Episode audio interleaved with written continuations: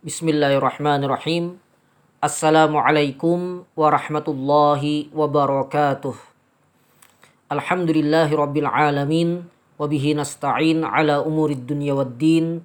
Allahumma salli wa sallim wa barik ala sayyidina wa nabiyyina Muhammadin wa ala alihi wa sahbihi ajma'in. Amma ba'du. Uh, ikhwah fillah hafizakumullah saya Muhammad Abduh Negara dan pada kesempatan kali ini saya akan menyampaikan uh, sedikit tentang uh, tarjih dan kapan kita uh, perlu melakukan tarjih. Tarjih um, menurut istilah yang digunakan oleh para ulama uh, bisa berarti uh, tarjih bainal adillah, tarjih antar dalil. Maksudnya adalah seorang uh, alim mujtahid, seorang yang memiliki kapasitas untuk berijtihad uh, saat dia ingin menetapkan hukum atas satu perkara tertentu, dia akan meneliti uh, semua dalil yang uh, berkaitan dengan perkara tersebut, baik dari uh, nas Al-Qur'an dan As-Sunnah maupun juga uh, dari qiyas dan yang lainnya. Nah kadang um, dari dua nas yang ada misalnya dari uh, dua ayat Al-Quran atau dua hadis Nabi atau uh, ayat Al-Quran dengan hadis Nabi kadang-kadang uh, terjadi ta'arud ya terjadi pertentangan maknanya menurut pandangan si alim mujtahid tadi. Uh, bukan dari uh, dia wahyu dari Allah tabaraka wa taala ya karena uh, wahyu dari Allah tentu tidak akan saling bertentangan. Nah, namun uh, bertentangannya ini di mata seorang uh, peneliti, ya, di mata seorang ulama, di mata seorang mujtahid. Nah, ketika dia uh, melihat ada pertentangan antar dalil ini, maka dia uh, harus menempuh metode-metode atau langkah-langkah tertentu sebagaimana dijelaskan oleh para ulama.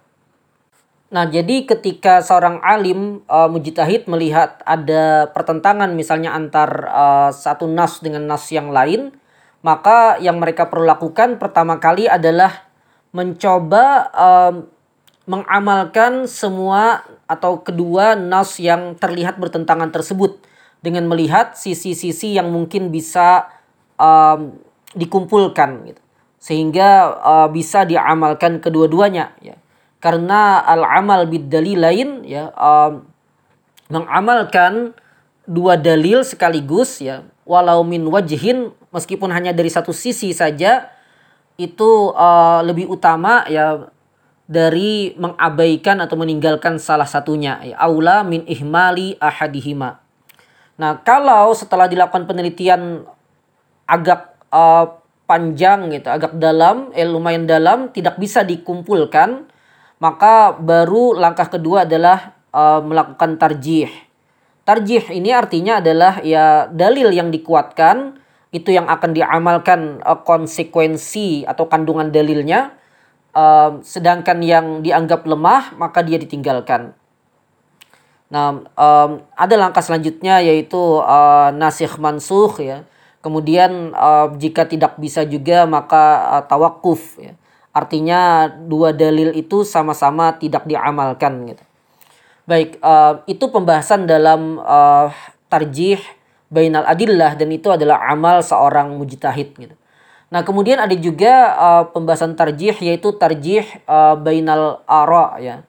Uh, tarjih antar pendapat ulama. Artinya adalah menguatkan uh, satu pendapat ulama atas pendapat ulama yang lain. Dan ini sebenarnya juga berkaitan dengan uh, apa yang pertama tadi yaitu tarjih antar dalil karena menguatkan pendapat satu ulama atas pendapat ulama lain itu juga harus melihat dari sisi dalilnya. Jadi uh, secara tidak langsung ya sama dia juga meneliti mana dalil yang lebih kuat uh, dengan metode yang kita sampaikan tadi. Hanya saja di bagian ini dia fokus melihat argumentasi dari masing-masing ulama. Uh, jadi seorang peneliti yang ingin melakukan uh, tarjih antar pendapat ulama ya, dia uh, perlu pertama uh, tergambar dulu bahasan atau persoalan yang dia ingin bahas ya. um, secara jelas, kemudian setelah itu dia urai mana yang uh, diperselisihkan oleh ulama dan mana yang tidak. Kemudian setelah itu uh, dia ya apa kumpulkan pendapat-pendapat yang ada, misalnya ada tiga pendapat, maka dia uh, sebutkan ya pendapat pertama apa, pendapat kedua apa, pendapat ketiga apa, dan siapa yang, uh, ulama yang berpendapat pada masing-masing pendapat tersebut.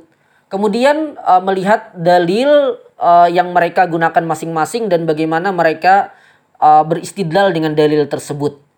Nah setelah itu um, dia akan melakukan apa munakasyah ya dia mengkritisi masing-masing hujah yang dilakukan oleh para ulama tadi melihat titik lemah dan uh, kekuatan masing-masing hujah tersebut sampai kemudian ada satu kesimpulan dari tiga pendapat tadi misalnya pendapat A atau pendapat ulama A itu yang lebih kuat dari sisi dalil. Nah ini adalah amal tarjih ya antar pendapat yang ada.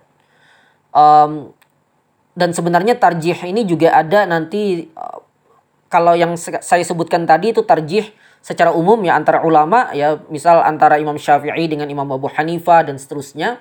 Nah nanti di lingkungan mazhab tertentu ya di lingkungan mazhab tertentu juga ada tarjih ya Misal uh, tarjih pendapat-pendapat ulama Syafi'iyah ya.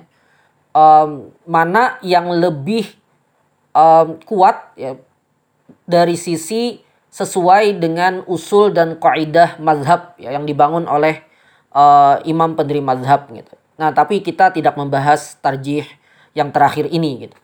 Nah, kita uh, berbicara tentang terutama tentang tarjih yang kedua tadi ya, tarjih bainal ara ya yang itu biasanya sering dikemukakan oleh oleh ya banyak orang gitu bahwa kita harus mengikuti pendapat yang rojih.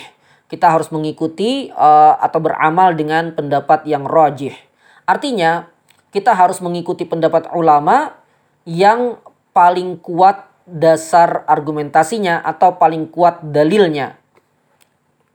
Jadi kembali lagi, uh, jadi ya ada konsep ya bahwa kita harus mengikuti pendapat yang paling kuat dalilnya atau paling kuat hujahnya atau paling mendekati kebenaran, paling sesuai dengan Al-Quran dan As-Sunnah.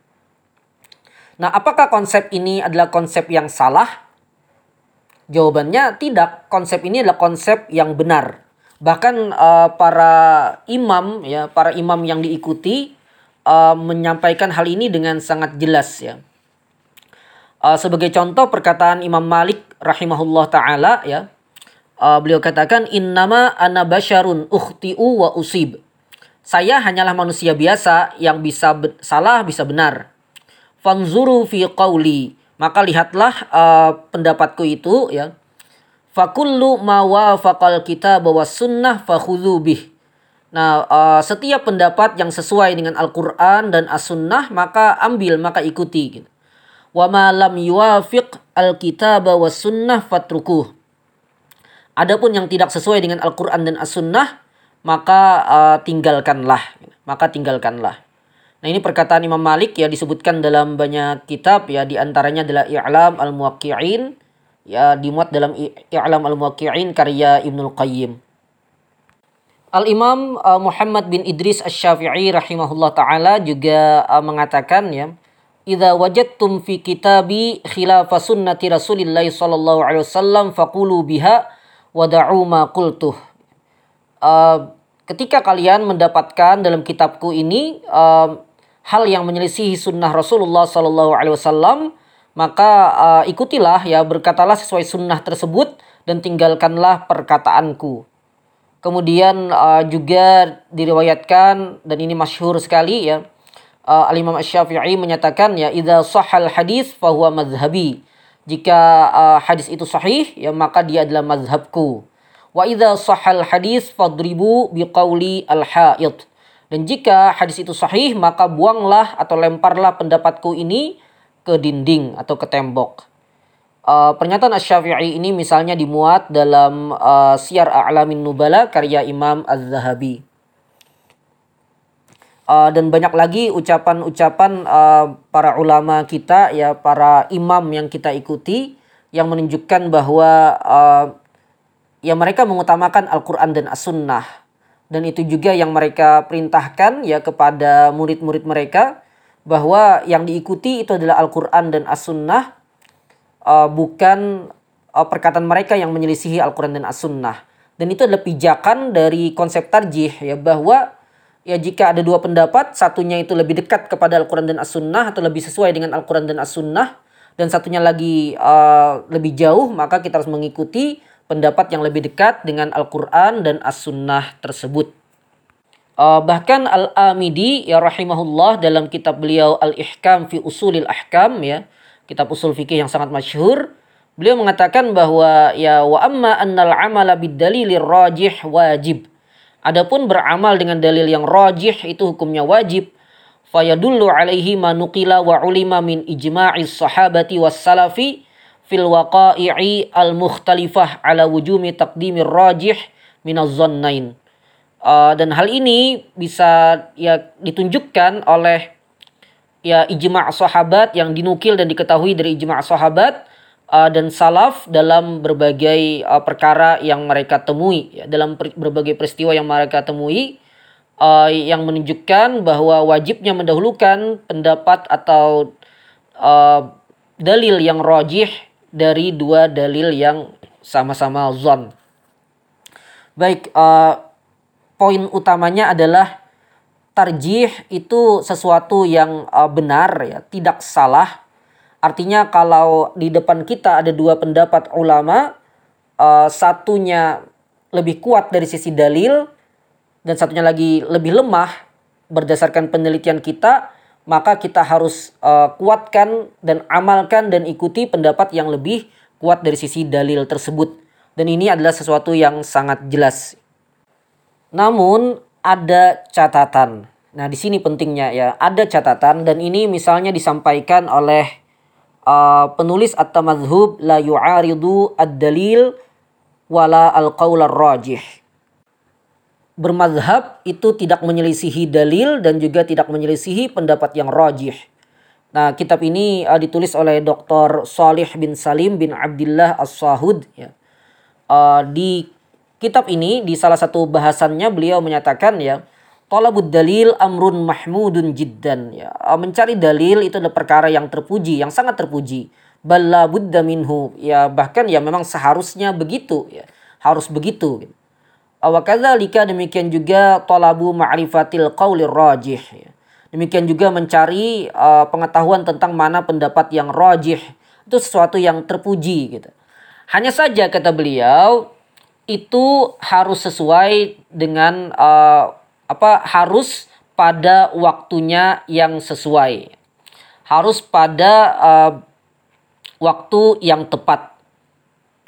Nah, beliau kemudian katakan ya uh, proses yang harus dilalui adalah seseorang itu pertama dia belajar ilmu fikih atau juga ilmu-ilmu syar'i yang lain uh, kepada ahlinya ya kepada ulama yang menguasai uh, cabang ilmu tersebut. Kemudian dia bertahap dalam mempelajari uh, cabang-cabang ilmu tersebut ya. Mereka tadarruj bertahap. Uh, pertama misalnya mereka mempelajari kitab-kitab ringkas dulu ya mukhtasarat Kemudian setelah itu mereka mempelajari syarah dari kitab-kitab penjelasan dari ringkasan-ringkasan tersebut. Kemudian setelah itu mereka naik tingkat ke uh, level pertengahan dari setiap cabang ilmu tersebut ya termasuk kitab-kitab fikih gitu. Kemudian uh, setelah mereka masuk dalam kitab-kitab pertengahan ya dari kitab fikih uh, mereka pelajari kepada ulama yang menguasai kitab-kitab uh, tersebut ya, yang menguasai kitab-kitab tersebut kemudian mereka lanjut ya mempelajari dalil-dalil dari mazhab ya kemudian alasan alasan-alasan yang menyebabkan uh, berlakunya hukum itu gitu. Kemudian setelah itu mereka belajar juga usul dan kaidah-kaidah dari mazhab. Gitu. Kemudian setelah itu mereka meneliti uh, kitab-kitab uh, yang menjelaskan perbedaan pendapat ulama. Selain itu juga kata beliau ditambahkan juga ya ilmu-ilmu yang memang diperlukan dalam uh, apa sebelum kita masuk pada proses tarjih uh, di antaranya ilmu lughah, nahwu, balaghah, kemudian mengetahui tentang uh, apa uh, sababun nuzul, nasikh mansuh dan lain-lain gitu. Nah, setelah melalui proses yang bertahap dan sangat panjang dan sangat melelahkan ini, sampai kemudian seorang memiliki kompetensi, memiliki kapasitas keilmuan yang memadai, baru saat itu dia bisa uh, mencari pendapat yang rojih dan dalil-dalilnya dari perbedaan pendapat ulama yang ada. Dan jika yang terjadi adalah lompat, jadi dia belum pernah mempelajari fikih dari tingkat dasar, menengah, kemudian uh, tingkat lanjutan, dia tidak pernah uh, mempelajari dalil-dalil dari satu pendapat ulama, uh, ta'lilatnya, dia tidak pernah mempelajari usul dan kawaidnya, tidak pernah mempelajari uh, ilmu lughah, nahwu dan lain-lain dan uh, usul tafsir, usul hadis dan lain-lain dia belum pernah mempelajari itu. Kemudian dia mengatakan dia bisa mendapatkan pendapat yang rajih, maka pernyataannya itu adalah pernyataan yang jelas-jelas keliru. Entah dia dusta secara langsung ya atau dia berkata tanpa ilmu gitu. Artinya dia mengatakan sesuatu yang dia tidak ketahui uh, isi dari perkataannya itu atau konsekuensi dari perkataannya itu. Jadi kembali lagi uh, aktivitas tarjih, memilih pendapat yang rojih, uh, memilih pendapat yang lebih sesuai dengan dalil atau lebih dekat dengan dalil itu adalah perkara yang dituntut ya. Perkara yang kita memang diminta untuk itu gitu. Kita disuruh untuk ittiba Al-Quran dan As-Sunnah. Hanya saja untuk bisa sampai pada tingkat itu tidak bisa di awal mula kita belajar. Bahkan tidak bisa di pertengahan. Tapi harus setelah menempuh perjalanan mempelajari ilmu, menela, uh, duduk di hadapan seorang ulama, menelaah berbagai kitab, uh, meneliti siang malam, begadang, uh, bertahun-tahun, bahkan mungkin belasan tahun, bahkan puluhan tahun, baru uh, dan itu kita konsisten juga tiap hari kita melakukan aktivitas ilmiah seperti tadi sampai kemudian kita mencapai uh, tingkat keilmuan yang memadai baru saat itulah kita bisa menentukan mana pendapat dari beberapa pendapat ulama tadi mana pendapat yang lebih dekat dengan kebenaran mana pendapat yang lebih sesuai atau lebih dekat dengan Al-Quran dan As-Sunnah mana pendapat yang lebih rojih mana yang rojih dan mana yang marjuh Adapun yang dilakukan oleh banyak orang saat ini, dia baru um, hadir kajian satu dua kali pertemuan atau mungkin bertahun-tahun tapi kajian yang dia ikuti ya tidak meningkatkan kapasitas keilmuannya. Uh, nahu soraf tetap tidak faham ya. Uh, usul fikih bahkan bisa jadi bertahun-tahun belajar uh, ilmu syar'i atau duduk di hadapan seorang ustaz ternyata usul fikih tidak tahu menahu bahkan mengira itu adalah ilmu bid'ah yang harus dijauhi misalnya.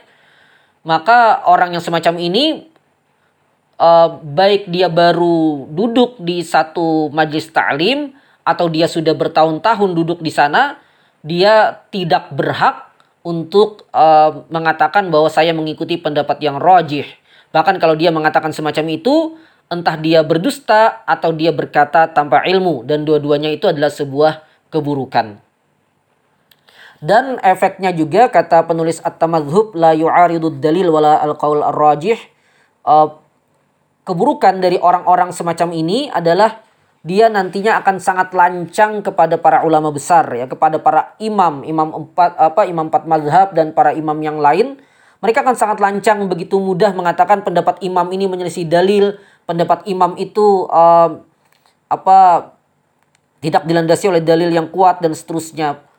Um, bahkan ya karena mungkin mereka duduk di hadapan guru yang mereka kagumi, bisa jadi yang terjadi adalah mereka mengangkat guru mereka tinggi-tinggi seakan-akan lebih tinggi dari para imam tadi itu dan merendahkan kedudukan para imam yang sebenarnya keilmuannya diakui dari zaman ke zaman ratusan tahun bahkan lebih dari seribu tahun.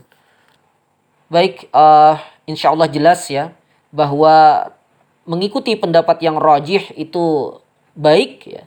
Aktivitas tarjih adalah aktivitas ilmiah yang sangat-sangat baik tapi ada waktunya. Ada waktunya yaitu saat kita sudah uh, belajar dengan sistematis secara bertahap dalam waktu yang sangat lama sampai kita uh, memiliki malakah yang memiliki kompetensi, memiliki kapasitas keilmuan yang memadai, saat itulah kita bisa mencari mana pendapat yang rajih. Ini saja al-afu minkum hadanallahu wa iyyakum ajma'in. Wassalamualaikum warahmatullahi wabarakatuh.